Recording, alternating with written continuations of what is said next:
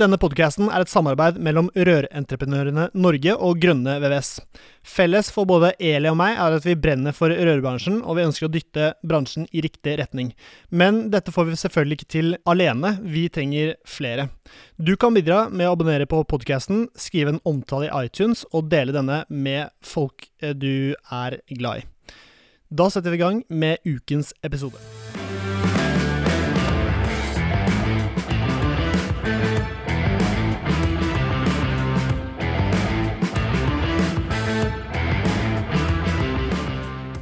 Hei og hjertelig velkommen til eh, Bare rør med Eli og Poppe. Men i dag uten Poppe. I dag har jeg også med meg en annen host, og det er Kristoffer Skogstad Messia. Hei, hei. Velkommen, Kristoffer. Takk. Det var veldig godt at du kunne hjelpe til når, nei, når Severin svikta litt i dag. altså. Men eh, det var viktig for meg å ha med noen som kan stille litt andre spørsmål enn meg sjøl, og som sitter i en helt annen rolle enn meg. Så du har en glimrende stand-in. Tusen Så hyggelig. takk. Ja. Takk. Og i dag så har Kristoffer og jeg med oss uh, Irene Grastveit fra et firma som heter Mindup. Og egentlig så høres det ut som at ikke hun har så veldig mye med rødbransjen å gjøre, men Irene, vi skal bare sette deg litt inn i eh, settingen her. Fordi at uh, 20. oktober så hadde vi Ingeborg inspirasjonsdag. Den kan dere forresten bare søke Ingeborg-nettverket og se på YouTube. Uh, der ligger hele sendingen samla. Men Irene var med fordi at hun Du skal fortelle litt om deg sjøl, men dette er ei dame som kan veldig mye om hvordan hva skal jeg si, hvordan vi tar oss av hverandre og prøver å få mest mulig ut av hverandre på jobb. Det syns jeg er en god intro. Ja. Hvordan en kan bidra til at folk har det godt og gjør det godt, Mm. er overskrifter. Og det var jo liksom utgangspunktet for inspirasjonsdagen. Er du på banen i forhold til hvordan vi har det i denne bransjen her? Eh, nå hadde vi en podkast med Kristoffer og Anne fra mm, Kaveron, altså Anne Sødem, i forrige uke, hvor temaet rett og slett var det arbeidet de har gjort i Kaverion rundt det med trakassering. Og Anne var jo også en av foredragsholderne på inspirasjonsdagen, Irene, som du dro i gang. Det var fint å høre Anne, og det var så kjekt at de fikk prisen. Ja, var ikke det gøy? Veldig gøy. Og du Også skjønte gøy- hvorfor de hadde fått den? Ja, og så var det så gøy at de ble så stolt og glad. Ikke sant? At den prisen virkelig har fått en plass og betyr mye. Det var helt tydelig. Uten tvil. Eh, og da tenker jeg eh, Nå hører sikkert folk litt forskjellig når de hører på den inspirasjonsdagen og ser innlegget ditt. Men en av de tinga jeg virkelig satt igjen med etterpå, er at vi er nødt til å gjøre en bedre jobb i denne bransjen med såkalt onboarding.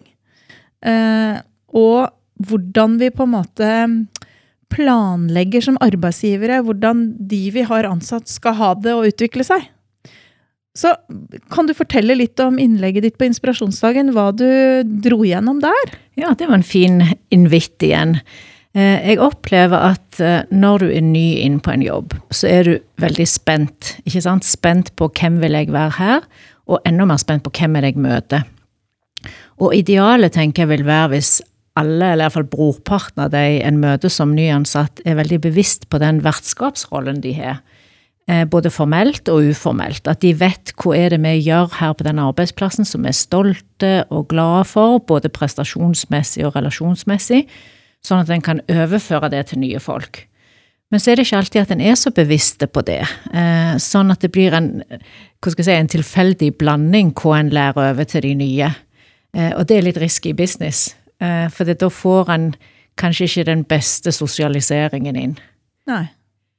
Og så tenker jeg eh, kanskje ikke det trenger å være så vanskelig. Kanskje hvis en tok en liten prat ikke sant, framfor at det kommer nye, der en sier hva er det vi er glad for her hos oss, hva er det som virker, eh, hva er det som er funksjonelt, hva er det som bygger kulturen vår på en heldig måte, både internt og eksternt, sånn renommémessig, ikke sant?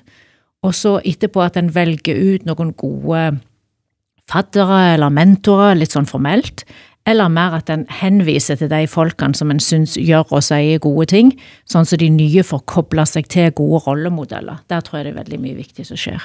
Åssen er det med deg der, Kristoffer? Er du bevisst? Ja, jeg føler at jeg i hvert fall er bevisst eh, i nyansettelser. eh, For det er, jo en, det er jo en god gruppe med gutter. eh, Jeg har jo dessverre bare gutter, men vi er jo en god gjeng med gutter som, som trives sammen. Som ønsker å løfte og, og hjelpe hverandre hver dag. Og, og for meg da som en leder å få inn eh, nye, så, så er jeg veldig opptatt av at de treffer den, den kjernen. Da. At de klarer å komme inn, både de når jeg, jeg har de på intervju, at det er mennesker som jeg ser kan treffe de andre guttene, men også at de ansatte hos meg eh, kan også ta denne med seg inn i, i, i gruppen. Vi Så fint. At det er en god match, rett og slett. Ja, jeg er veldig Ja. opptatt av det. For jeg har jo veldig troen på at hvis det sosiale fungerer på jobb, og at de trives med hverandre, så, så yter de litt mer òg. Mm. Det ser jeg på sønnen min, for å bruke et veldig nært eksempel. Han er nettopp begynt som lærling i elektrobransjen. Og når han skulle velge mellom å bli lærling og å, bli, eh, å gå videre på skole nå i første omgang, så var mye av grunnen til at han valgte å gå videre som lærling, akkurat det du nå beskrev, at eh, han hadde vært eh, i sånn Utplassering. mm. i den bedriften. Og det var det akkurat sånn som du beskrev, at det er en gjeng som har det godt og gøy sammen, eh, og som er opptatt av å sluse inn på en heldig måte nye. Eh, så det var noe av det viktigste for han, så det er kjekt å høre at dere er gode på det. Hvordan tror du det er blitt sånn hos dere, hvis jeg får spørre? Nei, det er jo bevisst tanke rundt det. Altså bevisst Jeg ønsker jo at det Jeg ønsker at mine ansatte setter pris på hverandre, og, og, og da gjøre sosiale ting sammen eh, på den plattformen de ønsker å være på. De, mine ansatte har jo spilt masse frisbeegolf eh, i år, og vi har vært og holdt på med volleyball, og vi kjører gokart, og eh, vi har julebord sammen med koner. Eh, eh, fordi at det, dette er jo gutter som er, henger sammen 10-12 timer eh, hver eneste dag. Sånn at eh, å bli kjent med samboeren deres, eh, eller kone deres, gjør jo også at eh, man sammenspleiser eh, gruppa litt mer. Så, så er det sosiale som egentlig har vært veldig fokus. Det er viktig å henge og, tilbringe tid sammen, og òg bli kjent med kjærester og koner, som du sier. Ja, for da blir de. Jeg har litt trua på at da blir de når det liksom er Dette er en gjeng som jeg får lov å Flere være inni. treffpunkter. Ja, jeg har litt trua på det. Og så var det noe annet du sa som jeg ble nysgjerrig på, som jeg har lyst til å spørre deg om, og det var det der med Du brukte ikke ordet resonnere, men et eller annet med liksom at det, det er noen folk som vil, vil passe inn. Eh, for det tenker jeg mange ganger òg, at det er så viktig at du ikke på en måte pynter bruden i begge ender metaforisk. At den som er på intervju, er sann og ærlig, og autentisk, hvor du vil bruke. Og at dere som arbeidsgiver òg er det, sånn at en kan få en fair sjekk. ikke sant, Passe med sammen. Vil, vil jeg være bra i det miljøet du, du tilbyr meg å komme inn i? Ja, det er jo kjempelett å ansette. Det er jo ikke noe vanskelig å ansette, men det er jo det Har du opplevd å ansette feil noen gang? Ja, og det er jo et mareritt. Har du lært noe av det? Ja, det er jo Hva har du lært? Jeg har lært å bruke mye mer tid på å ansette. Eh, og, og, og komme med disse spørsmålene og komme med disse eh, casene, da. At, eh, og, og, og legge frem det at vi er sosiale. Vi, vi syns det er hyggelig å gjøre ting sammen. Eh, det er sånn og sånn gutter. Eh, det er sånn og sånn ansatte. Vi gjør sånn og sånn ting for å se litt reaksjonen på, på disse nye. For det, det er, det, altså det, å ansette nye er viktig eh, for, å, for å bygge bransjen, bygge selskapet osv., men det er jo Og blir det galt, så blir det dyrt. Ja, det blir, det blir fryktelig dyrt å kvitte seg med de, men det er også, jeg har jo veldig fokus på de som jobber hos meg. At, eh, at eh, ikke jeg sender, eh, sender en, ans, en nyansatt inn i selskapet som alle syns er en megadust. Altså, det hjelper Det vil jo ingen. skremme dem vekk. Ja, for da er jo de, det er jo lettere for de dyktige, etablerte gutta mine å, å søke seg noe annet sted. Mm. så, Og så er det hvordan en røyker ut de der faktiske verdiene, ikke sant. For det, hvis du bare spør sånn revolverintervju, hva verdier har du? Eh, Så er det kanskje noen som ikke vet, eh, eller noen som vil si noen verdier som de tror er riktige, i gåseøyne. Så jeg opplevde en gang jeg var på intervju, tenker jeg, når vi sitter her og snakker, at eh, du nevnte case, ikke sant, at en henger opp litt sånn, hva ville du gjort i sånn og sånn situasjon? Eh, For det, da får du mer røykt ut eh, hvem du egentlig er, hva du står for. Og særlig hvis du får presentert litt sånn pressa situasjoner. Hvordan blir du når? Prikk, prikk, prikk. Mm. Eh, For det, da kan du virkelig få tak i hvem er du egentlig. Hvor god er du til å kjøre gokart, spurte jeg en, eh, spurte jeg en ansatt om. Viktig ja. Ja. Det er dødsviktig, for jeg har jo vunnet uh, i alle år. Jeg kan ikke tape nå. Så Nei, det så hvis den er for god, så får den ikke jobb. nei, jeg kan ikke ta inn mennesker som uh, Det fins grenser for hvor god en kan være. Ja, ikke sant. Ja, Nei, det er, det er jo det, og du ser det. Du, eh, nå har jeg jo hatt så mange intervjuer opp gjennom årene at jeg klarer å se det på, på en person som sitter, og, og øyekontakt. Eh, Det var grusomt gjennom uh, pandemien. Pandemien, Fordi Der du ikke hadde det fysiske møtet, ja. Nei, det Da mister du mye. Men hva er det som gjør at du ikke får tak i flere jenter inn til din tropp? Vet du det?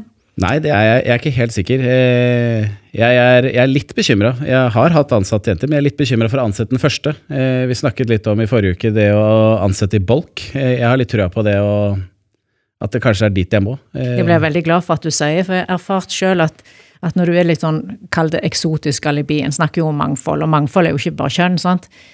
Men hvis du er den eneste jenta, eller den eneste et eller annet, eh, så kan det være litt gøy i stas, og stas i begynnelsen, ikke sant. Du blir hun spesielle, ikke sant.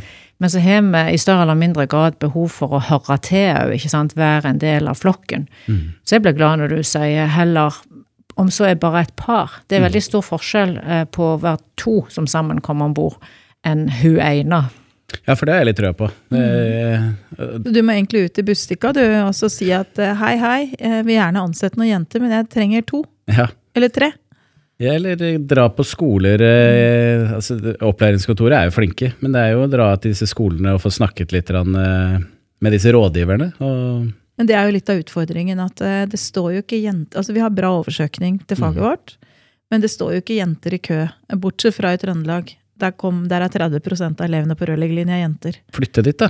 Ja, kanskje du må flytte Hva er det som bedriften har til skjedd Trondheim. der da, Eli? Det som har skjedd der, er at bransjen har vist fram eh, det vi vil ha. Og så har de gjort det på en sånn måte at eh, du kan tenke deg, hvis du går inn på en ungdomsskole og sier at hei, hei, alle dere som kunne tenke dere å komme på byggfag, dere kan bli med og se på den yrkesskolen i neste uke. Da kommer de som har tenkt å søke seg til byggfag. Mm. Det skaper ingen endring, da får du bare de som hadde søkt allikevel. Mens hvis du da heller oppsøker skolen og sier at hei, hei, alle sammen, kom her og vær med på en morsom dag sammen med oss, skal du få lov å se et kjempekult yrke, og du skal få prøve masse forskjellig. Det har de gjort i Trondheim. Så Da kommer grep, også alle de som har tenkt å gjøre noe helt annet, men de får lov å være med og få en god opplevelse med dette faget og denne bransjen. Og så får de se at jøss, dette her kan jo jeg fikse. Hmm. Og det er sånn at mange jenter velger å ikke søke rør fordi de har hørt at det er bare gutter der. Men hvis du, nå står det i alle aviser i hele Trøndelag at det er 30 av elevene på rørleggerlinja er jenter. Eh, da er jo den eneste begrensningen det er hvor mange jenter som går på VG1 i år. Det er begrensningen. Sånn at det som er viktig, er jo å vise fram det vi vil ha. Og hvis det er sånn at denne bransjen ønsker å ansette jenter, så er er vi nødt til å fortsette å være flinke til å vise dem fram. Mm. Og så, og så må vi kanskje slutte å forvente at de jentene blir veldig mye bedre enn alle de gutta vi har ansatt. For det er jeg litt følelsen av. At det er en De skal sånn bevise seg. Ja, at du må liksom Du forventer kanskje litt mer. Av jentene enn guttene? Ja, jeg opplever mange gjør det. Jeg tenker jo at helt naturlig, nå ser jeg det bare fra hjemme, at eh, min kone er jo mye mer ryddig og ordentlig enn det jeg er. Og det kan vel være Det at fins rotete jenter òg. Ja, det gjør det. Ja, det har jeg sett. Og det er men, eh, helt greit, tenker jeg. For du har jo sikkert hatt nok av rotete gutter ansatt opp gjennom åra. Jeg har bare rotete gutter, Ja. så det, det hadde jo ikke gjort noe fått noen, eh, en, en ryddig gutt eller Nei. ryddige damer inn. Det hadde ikke gjort noen ting. Men jeg tror at det at vi klarer å ha et større mangfold i hvem vi rekrutterer inn, at det ikke er bare de som gidder å bli rørlegger, som blir rørlegger, men at det blir sånn jøss, dette er et kult yrke, det er vanskelig å komme inn der. Jeg må jo skjerpe meg litt. Det gjør det mer attraktivt for flere ryddige gutter også, da, å søke seg inn. Tror jeg, da. Et annet spennende, du nevnte opplæringskontoret. Jeg jobber mye med opplæringskontoret og syns, som du erfarer, at de gjør en strålende jobb. Og jeg tenker på eh, at det er jo et veldig spennende og stort ansvar dere har òg for lærlinger, som er førstereisjenter og gutter i arbeidslivet. Mm. Eh, Så hvordan tenker du om det, eh, i forhold til hvis du får en som har vært litt her og der, ikke sant, og har skjønt hva arbeidslivet er? Hva erfarer du sånn i forhold til læringen rundt det å være i jobb versus å gå på skole? Åh, det er en eh, Det er ganske stor overgang for, for dagens ungdom. Den er Der har foreldre sydd mye puter under armene til barna sine, og Hvordan merker du det? Jeg merker at de, de, de har ikke noe lyst til å bli pratet til. De har ikke lyst til å få beskjed om å gjøre fysisk arbeid. Altså, Jeg er ikke vant til å gjøre som du får beskjed om. nei, det, ikke det at jeg er Jeg er ikke noe streng, streng leder, men jeg er veldig opptatt av at man når man kommer på jobb, så gjør man i hvert fall sitt aller beste. En- En lærling førstereis, som du sier, er jo, skal du jo lære. Og hvis du kommer på jobb og TikTok, eh, reels eller alt dette på telefonen er viktigere enn å, å, å gjøre det du tror er best. Eh, hvordan får du formidla det, for det kan jeg se for meg, ikke sant, at eh, mange allergier kan dukke opp hos disse unge, unge guttene og jentene når du blir streng i gåseøyne på legg vekk telefonen og og det er mye sykdom. Det er, eh, jeg må reise hjem. Eh, kommer ikke i morgen. Eh, jeg tror jeg er syk. Den ja, også. Den er fin. Den er- Eller jeg tror jeg er syk i morgen. Ja. Jeg kan sende melding på en søndag og si at jeg tror jeg er syk i morgen. Så Men hvordan møter du det? For jeg tenker på den ene sida så kan vi, vi sitter jo litt sånn og eh, him, Ikke himle med øynene, men sperre øynene opp. ikke sant? Men, men hvordan møter du det på en respektfull, men tydelig måte, sånn at de etter hvert legger ifra seg telefonen og skjønner at en kan ikke bare være juksesyk, eh, en trenger å komme på jobb osv. Det, er én-til-én-samtaler. Jeg har litt trua på det. For at eh, eh, disse unge syns det er flaut eh, overfor de som har vært der lenge. Så så én-til-én-samtaler som ikke de andre har lagt merke til har eh, skjedd, har jeg jo hatt. Sånn at eh, jeg kan korrigere de uten at de andre vet at det har blitt korrigeringer. Så, så jevnlige samtaler har jo egentlig vært der vi har starta. Det, er- det er jo Jeg merker at det er en utfordring. Eh, Og så tenker jeg det eh, igjen, applaus til det du sier, for både det når du skal gi konstruktiv tilbakemelding eller korrigering, eller hva en velger å kalle det for, så er det jo fint å ikke gjøre det i alles påhør. Og så er det noe, jeg hadde nesten sagt kjærlig i det, og så si hei, min venn, eh, her er det noe vi trenger å snakke om som trenger å være annerledes. For det ligger jo omtanke i det òg? At du vil at denne personen skal bli en god kollega.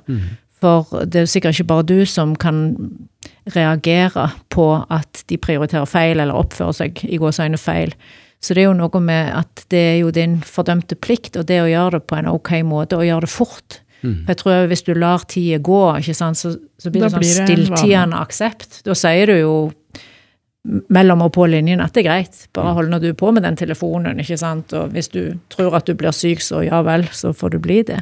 Men det er kanskje den vanskeligste jobben, både med å være foreldre og leder. Og det er jo samme rollen, egentlig. Det er bare at det er annerledes med dine egne barn kanskje enn noen som er ansatt. Men jeg opplever, og har opplevd, at veldig mange den der vanske, altså, Hva er en vanskelig samtale? I det øyeblikket at noe er litt sånn at du må korrigere, så tror jeg veldig mange opplever det som vanskelig, da. Ehm, så det er kanskje en ting man bør bli flinkere til å trene på. Altså tørre å ta de samtalene og se at det går jo som regel bra. Jeg tror så lenge Jeg har trent meg veldig på det her, fordi de fleste av oss syns jo, som du sier, at det er ikke det kjekkeste. Ubehagelig. Og mange ganger det en er redd for, er jo den andres reaksjon. At han skal bli sur eller sint eller lei seg eller et eller annet. Og så er vi jo litt forskjellige på hva en liker minst av reaksjoner. Jeg takler ganske godt når folk blir lei seg eller blir frustrert, eller sånn, men hvis de blir rasende, så blir jeg litt satt ut. Så det å øve seg på både hvorfor tar jeg denne samtalen, og hvordan skal jeg være respektfull, men samtidig være i rollen som kravstor leder som har noen betingelser for hvordan vi oppfører oss her, så tror jeg det Og når intensjonen er god, jeg har lyst til at du skal bli en god kollega, og det er mitt ansvar å hjelpe deg når du ikke ser det helt sjøl, så tror jeg mye kan gå godt, og at en er glad i folk, da. Det hjelper òg veldig. Eh, Så kan en jo tidvis bli litt, trøtt av arten, men jeg tror det hjelper veldig hvis folk merker at jeg liker folk, og jeg har lyst til at du skal gjøre en god jobb. På inspirasjonsdagen, Irene, så snakka du litt om mentoring. Altså, og det er jo litt sånn fremmedord, vi snakker jo ikke om det. Men alle rørleggere som har med seg en lærling, for eksempel, er jo Vi kaller det instruktør, da. Forbilder, kaller jeg det. Men det er jo det samme som en mentor eller et forbilde eller whatever. Men det føler jeg er en litt sånn underkommunisert rolle i bransjen. Vi har kanskje ikke løfta den derre viktigheten av å være det gode forbildet for dem du har med deg, høyt nok opp. Og du snakka litt om det. Jeg har så gode erfaringer med det, ehm, både når det formaliseres, men det viktigste er jo at det funker i praksis, ikke sant? Og da er vi litt inne på det vi snakket om i stad, at du finner gode sånne. Og noen av de som er gode sånne, de eh, har blitt av seg sjøl, de bare gjør, gjør gode ting, eh, og er gode rundt folk. Og så har jeg òg erfart noen ganger at du kan ved å eh, gi folk den inspektørrollen eller mentorrollen, eller hva du kaller det for, at folk strekker seg. For da, da sier du at 'jeg tror at du kan være en god rollemodell eller forbilde', for å bruke ditt ord. Og det er òg spennende, at du gjennom å, å gjøre dette kan få flere til å oppføre seg formålstjenlig, hvis jeg kan si det litt sånn pompøst. Eh, Så det er ganske spennende. Og jeg, eh, jeg merker når jeg er rundt forbi, enten jeg er på restaurant eller hos frisør, eller sånn, så ser jeg ofte på de som er mentorer til lærlinger, hvordan de eh, Veileder. Vi, Veileder, sant? Hvordan de viser hvordan ting skal gjøres rent fysisk. For veldig mye av den mengdetreningen en får som rørlegger, f.eks., ligger jo sikkert i fingrene. Så det å òg evne å både vise og forklare og være tålmodige, og det er en viktig rolle. Uh, mm. Og så tenker jeg det er muligheter andre veien òg for at de som er unge og fremadstormende, kan lære ting tilbake igjen, så det trenger ikke bare være en enveisgreie. Liksom, hei, lille venn, her er jeg med hele vet og all erfaring, så bare følg med nå. Jeg tenker at det kan være spennende og i hvert fall etter hvert, og at den blir toveis. Mm. Så hva er din erfaring med det? Hvordan peker dere ut gode inspektører, og hva gjør dere for at de skal være gode forbilder? Jeg gjør egentlig ikke noe særlig forskjell på, på mine ansatte. Jeg tenker at eh, alle Jeg har noen som er flinke med det. Det, det ser man jo naturlig hvem som, er, hvem som er god til å Det er gjerne de med barn. Jeg ser at de, de ansatte jeg har som har barn Annen tilnærming. Ja, de, de har liksom catcha den, men de som ikke har det også, får eh, egentlig tenkt litt annerledes. Det, det å ha med seg en som stiller de dumme spørsmålene, som han eller hun gjorde da de var på samme stadie, gjør at de egentlig må repetere sitt eget arbeid. Eh, og så har jeg jo sett at de som har vært eh, ikke så gode til å formidle eller være gode sparringspartnere eller opplæringspersoner, de, de blomstrer litt, fordi at de får plutselig litt Ansvar. ansvar, for å Dette er en person vi skal Men det er litt sånn beholde. skjerpende, for å si sånn. Du har liksom at da må, jeg, da må jeg gjøre ting på en god måte, for Ja. det skal jo være andre som skal gjøre det likt meg, da. Ja, og, det, og det, det har jeg veldig trua på, at man må liksom tørre å, å sende ut. Og så må man jo gjøre korrigeringer, for det er ikke sikkert at denne personen er såpass god at man kan gjøre det i lengden. At man liksom uh, får litt, rann, kjenne litt på mestringsfølelse. Jeg tror at det er viktig å repetere sitt eget fag. Det er fort gjort å glemme at du har vært kalv, da. Hvis Mhm. du er ku eller okse. Ja, ja. Så det å liksom minne folk litt på det, så tenker jeg at det er kanskje en stor forskjell hvis du er en rørlegger da, i bedriften din, eller hvilken som helst annen bedrift. Så ja, i dag får du ta med deg lærlingen. Ja. Istedenfor å være sånn at, vet du hva, du er en av de flinkeste i denne bedriften til å håndtere folk. Jeg vil veldig gjerne liksom ha et godt samarbeid med deg rundt å håndtere lærlinger som vi får inn, Mm. og utplasseringselever. Er det, liksom, er det noe du kunne være interessert i å bidra med? Så tenker jeg, Da hadde jeg i hvert fall følt at den bedriften hadde sett meg og liksom gitt meg kred for at jeg kunne noe, da. Og da hadde jeg gått mye mer inn i den rollen. ja. Kjipt å være en leder som sier det også, da. Bare ta med han lærlingen. Ja, Men det skal jeg love deg. ja, det er dølt, ass. Det mener jeg. Det er skikkelig kjipt å være leder og si noe sånt. Da Ja, men det er veldig mange ungdommer som har kommet på f.eks. utplassering. Å, faen, kommer du i dag, ja? Det er god start. Er Kjempestart, ikke sant? Da hadde jeg slutta, så hadde jeg gått tilbake. det- Det er noe med det der førsteinntrykket. Det er det, det er så og det må vi være flinkere til, da. Det er jo sånn sosial innslusing, at du ikke føler bare du blir liksom slengt og ikke velkommen. Det er helt basale greier. Ja, for de husker vel det i evigheten om det Veldig, firmaet der? Ja. Ja, og evig eies kun et dårlig rykte. Så Ja, ja. det blir jo kanskje ikke en, til og med en god kunde hos deg i framtida, selv om det ikke ble en Og igjen det der, hvis det er din første erfaring med arbeidslivet, kan du bli helt sånn desillusjonert. Jeg tenker at at Hvis du opplever det, så må du jo altså gå rett tilbake til skolen og si at jeg, hør her, dette fikk jeg oppleve. tror jeg ikke en 17-åring gjør, Kristoffer. Nei, De setter seg bare rett på telefonen. Og jeg tror ikke den læreren heller tar kontakt med deg og sier du Kristoffer, nå har vi nå hadde Petter en litt sånn eh, utplassering hos deg i forrige uke, og det første han fikk høre var at ingen var forberedt på at den kom. Det var ingen som var dedikert til å ta seg av han. Og det han dreiv med, var jo Han, han fikk ikke veldig mye ut av det, liksom. Det, det er ikke så mange lærere som ringer til bedrifter og gjør det, altså. Ja, Det er kjipt, ass. Nei, men det er Sorry, som Sånn er verden. er en Men jeg er forbedrings, eh, et forbedringsområde. Men jeg tror vi må være liksom forberedt som bransje på liksom hva, hva kan jeg som blir rørleggerlærling forvente da, av deg? Kan jeg forvente å få arbeidstøy?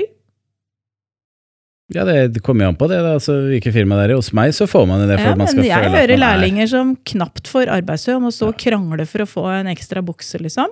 Da hadde jeg også stilt spørsmål der at hvorfor vil du at jeg skal være her? Hvorfor, Ja, hvorfor har du lærling? hvorfor har du lærling? Hvorfor gidder du? Det er mye er rundt, det- eh, rundt profesjonalitet, rett og slett. Ja. Jo, eller verktøy. Altså, hva, Mm. hva slags verktøy kan en lærling forvente å få da, når du begynner i en jobb? Og når kan du forvente så Må du vente to uker eller et år, eller må du ha jobba der i to år før du får ei verktøykasse som er liksom hva- Dette snakker vi ikke om, Nei. men dette er et problem i mange bedrifter. Ja, det har jeg veldig trua på. Og så får man jo det når man trenger det. Eh, Jeg kjøper ikke fullt verktøy til en, eh, en førstelærling, det gjør jeg ikke. Men det, de, det Men når du trenger på. en drill, Ja, da får de du har selvstendige oppgaver, så får du en drill, gjør du ikke det? Jo jo, men du får ikke en bajonettsag eh, som er et dyrt verktøy, du får håndsag, og så får du starte der. Eh, jeg, sånn trinnvis. ja, jeg syns at man skal lære litt, og så skal man gjøre seg fortjent til det. Jeg ser på den som litt som en belønningssystem også, er at du er ivrig og engasjert, så, så, så bygger vi på verktøykassa di.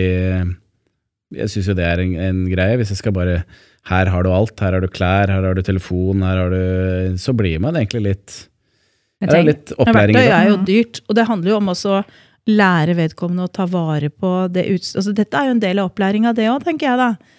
Hvordan tar du vare på det du Altså en del av hele den prosessen med, kall det onboardinga, da. Mm. Hva er det jeg forventer av deg som lærling?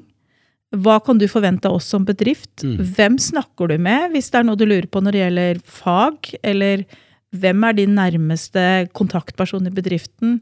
Eh, hva, eh, hvis det skjer noe som ikke er greit, det snakka vi om i episoden med Anne. Mm. Hvis det skjer noe som ikke er greit på jobben, hva da?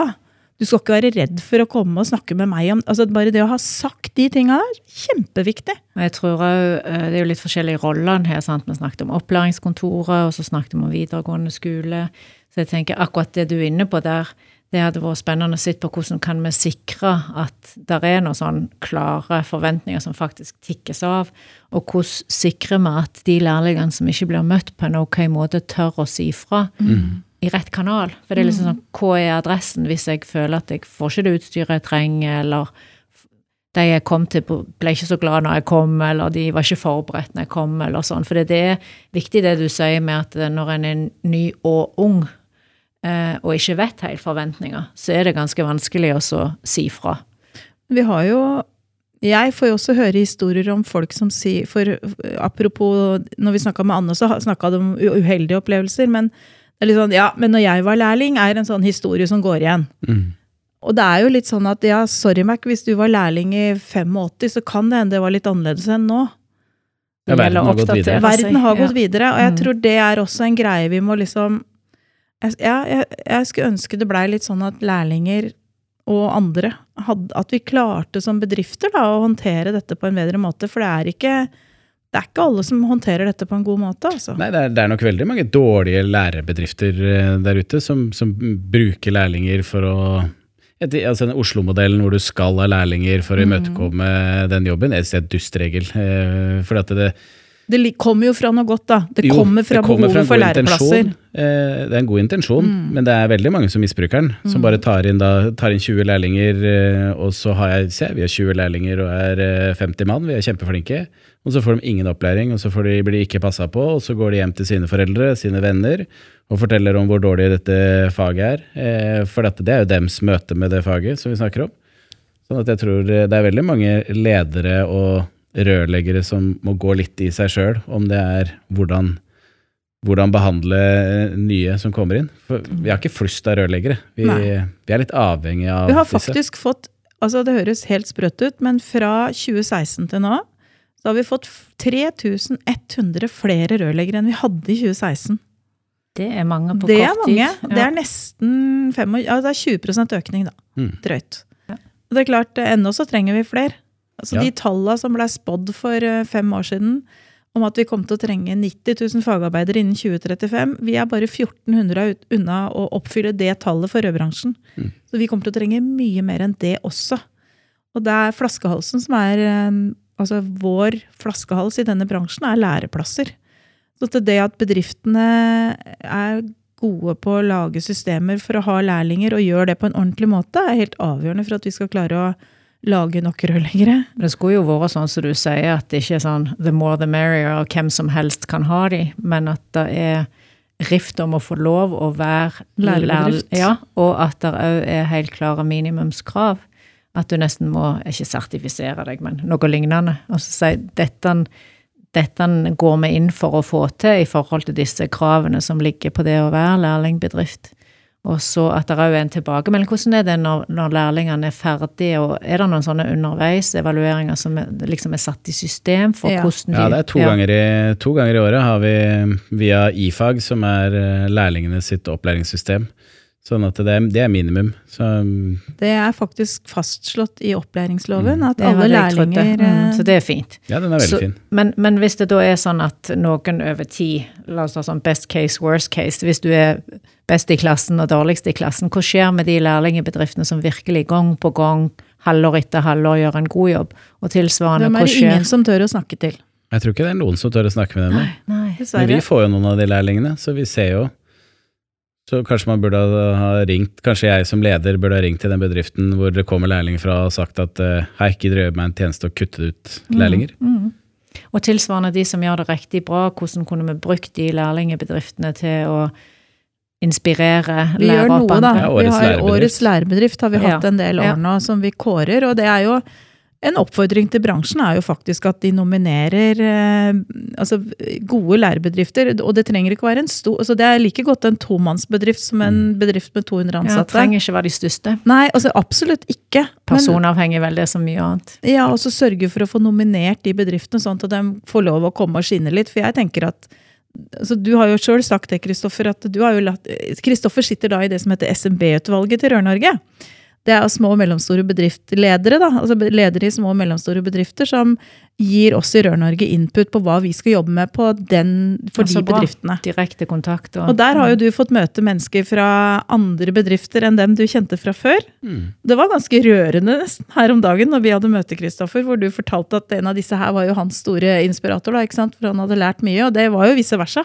Ja, for det var litt sånn jeg tenkte på i stad. Tenk så bra hvis en kunne hatt virkelig sånn at de beste over tid virkelig var inspiratorer for de andre, uten å bli sånn negativt Belærende. belærende. Ja, ikke sant, skulle akkurat til å si det.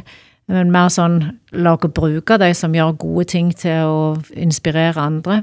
Men det er litt janteloven også. Man skal liksom ikke Skal ikke snakke noe her positivt. her. Nei, skal ikke komme Er det det i hele bransjen? Liksom, det er ikke lov å skryte på oh, ja, Jeg det er vet litt, ikke, Kristoffer, du er jo litt sånn småkjendis i bransjen. Du er jo Plumbo-mann, og så er du, du er mange forskjellige menn, er du ikke det? Ja, det blir mange hatter. i- Så du har jo stikket fram huet litt. Ja. Har du fått høre det, liksom litt? ja, det får jeg høre ofte. Ja. Så det, I litt sånn, føler du at det er litt, litt Er det misunnelse, eller er det negativt? Det er mest misunnelse, føler jeg. Og så er det noen som syns at det er litt sånn patetisk eller tullete at man driver med, men eh, jeg er jo glad i dette faget her. Jeg, jeg elsker rørleggerfaget. Og så er det jo kollegaer. Eh, Vi får gjerne konkurrere på den jobben, men hvis de har fått den jobben så, som jeg ønsket, så håper jeg at den gjøres ordentlig, sånn at rørleggerfaget fremmes. Det er veldig trist å komme på jobber i ettertid og se at eh, ok, de har gjort det så dårlig at de faktisk har svekket selve faget. Omdømme, liksom? Ja. hva er det som gjør at du elsker faget? Hva, hva gjorde deg forelska, og hva har gitt varig kjærlighet? Det er egentlig menneskene som, som jobber i dette her. Altså Eli, som, eh, som ønsker å gjøre og bygge bransjen til noen steder. Alle de menneskene som, som jobber for at faget skal eh, lykkes, at vi skal rydde opp i, i gamle holdninger, at vi skal fornye oss, at vi skal være et, eh, et populært fag. Altså alle disse tingene som gjør som Stolthet. Gjør, ja, stoltheten i faget. Da. At uh, vi er jo med å bygge noe. Det er jo altså Rent vann er jo ikke Det er ikke så mange som tenker på Hvor viktig det er? nei, hvor viktig det er det vi driver med. Vi, vi transporterer altså, vann til mennesker. Og det er noe av det viktigste vi har. Så, så det er liksom litt sånn undervurdert, det vi, det vi driver med. Det er liksom Rørleggeren driver med, med dasser og Ja, tette avløp og bæsj. Ja. Men det er jo ingen som gjør det lenger. Altså, vi, vi driver jo med energi. Det er jo, blir ikke mer av... Vet du, Det er ganske sprøtt. Kristoffer er jo helt rå på, og han jobber jo med å på å si rense minke strømregninga til Ja. folk. Litt relevant nå, det. Det Ja, det er litt relevant, men det er liksom, hvor viktig er ikke det at vi rørleggere? Han, han driver ikke med tette toaletter. Han driver faktisk med å hjelpe meg med å senke min, min strømregning, som, som eh, Hvor gode er dere på å få eh, det fram eh, sånn, eh, for renommeets skyld, men òg i forhold til at, at det er et sånn rekrutteringskriterium? Ja, og det, det, gjør jo Rør-Norge, og, og det gjør opplæringskontorene, og det gjør skolene, for jeg føler at det er liksom blitt en holdningsendring eh, på dette her, at, eh, og det er jo det som gjør meg stolt å være, være rørlegger i det faget her, for det, det er så mange som ønsker å vise vise det, det, det positive. Altså Oldermann i, i Oslo han sa jo det her at når han har kurs eller foredrag, så, så viser han Vi har aldri vist et toalett eller kjøkkenkran i det. Så hele viktig å være bevisst på. Det er teknisk rom. Ja. Det er eh, svære rør, det er store, avanserte installasjoner. Det det er det han ønsker å fremme, for det er jo, det er jo faget vårt. Er rett før uh, navnet på jobben må endres. At en skal døype det om fra rørlegger til prikk, prikk, prikk. Ja, det er, jeg, rørlegger syns jeg er eh, Passer det, passer det nå? Poenget er at Ja, er sant, fall. i disse strømkrisetider, da, bare for å ta et tall altså 50 milliarder høres ut som et stort tall.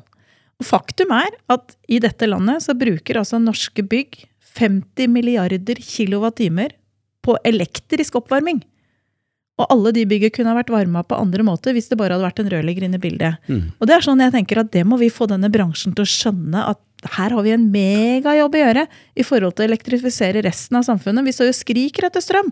Vi kan frigjøre den strømmen vi, fra bygg. Mm. Og det er sånne ting ting som energi, vann som fornybar energi. Ja. Ja, det er masse muligheter. Mm.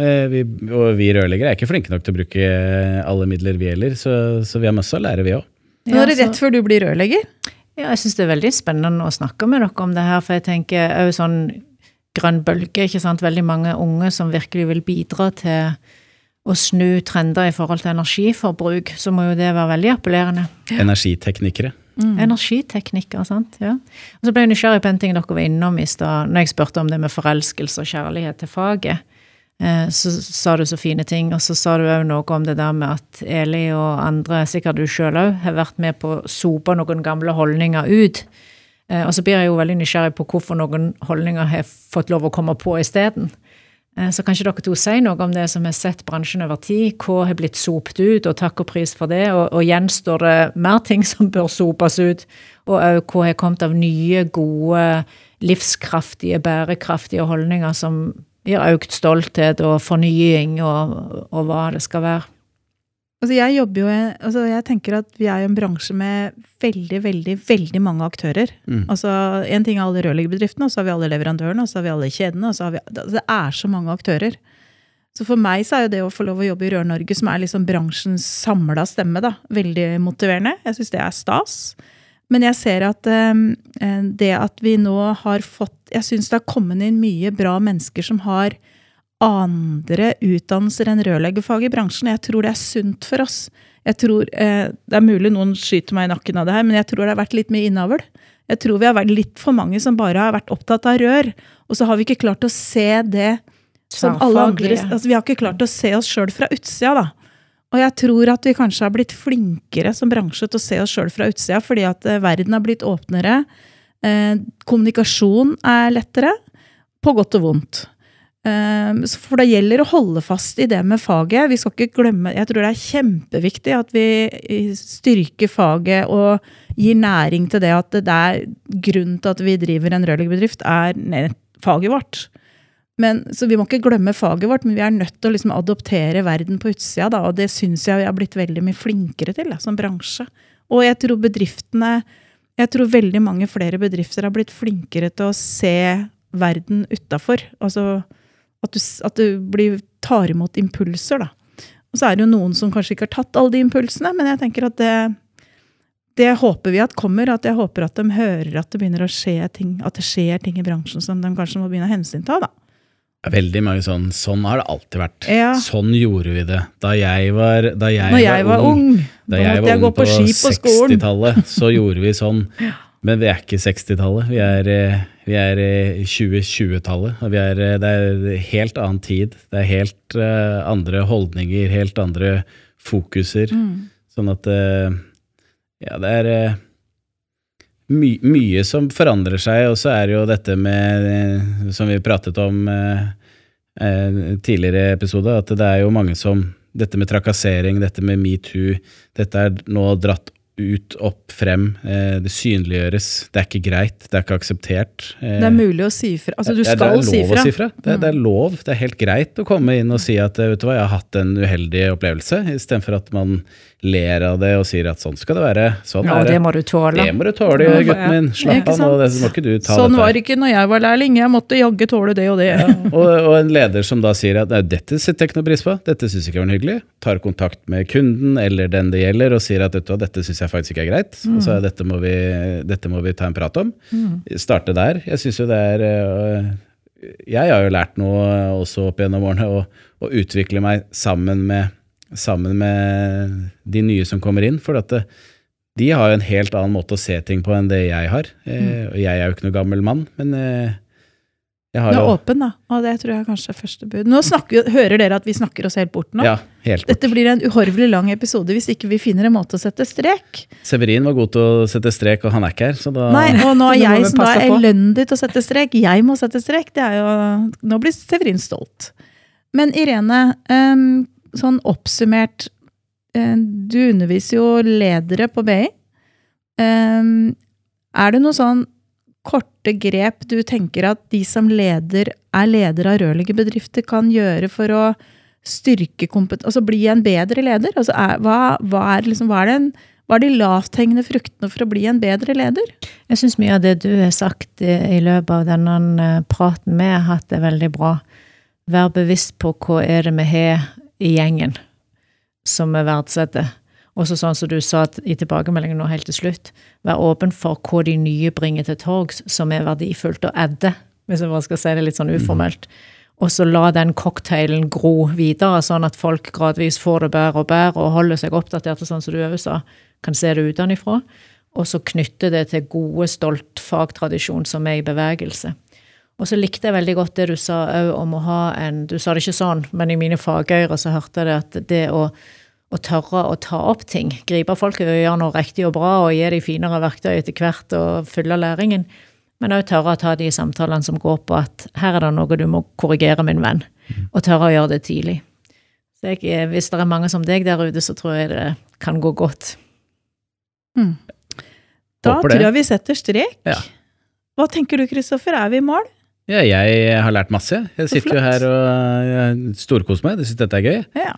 Du, tusen hjertelig takk for at du kom, Irene. Og for de som er litt mer nysgjerrig på hva Irene eh, nå har sagt på denne inspirasjonsdagen, så oppfordrer jeg egentlig alle bare til å gå inn og få med seg den halvannen timen med eh, inspirasjon eh, rundt det å få det bedre på jobb. Og Kristoffer, tusen takk for at du kom her og var stand-in for Severin i dag. Selv takk. Da ønsker jeg alle sammen en riktig god kveld eller dag eller helg eller hva du måtte ha, og så høres vi igjen. Ha det. Ha det! Halla, hvis du likte denne podcasten, hadde vi satt utrolig stor pris på om du abonnerte og gir oss en tilbakemelding i avspilleren. Eh, spre gjerne ordet videre til andre i rørbransjen som brenner for rørleggerfaget og er opptatt av å drive en seriøs rørleggerbedrift. Mitt navn er Severin Poppe Midteide, og med meg har jeg co-host Eli Hermine Heidal Eide. Sammen er vi to podcasten Bare Rør med Eli og Poppe. Et samarbeid mellom Grønne VVS og Rørentreprenørene Norge.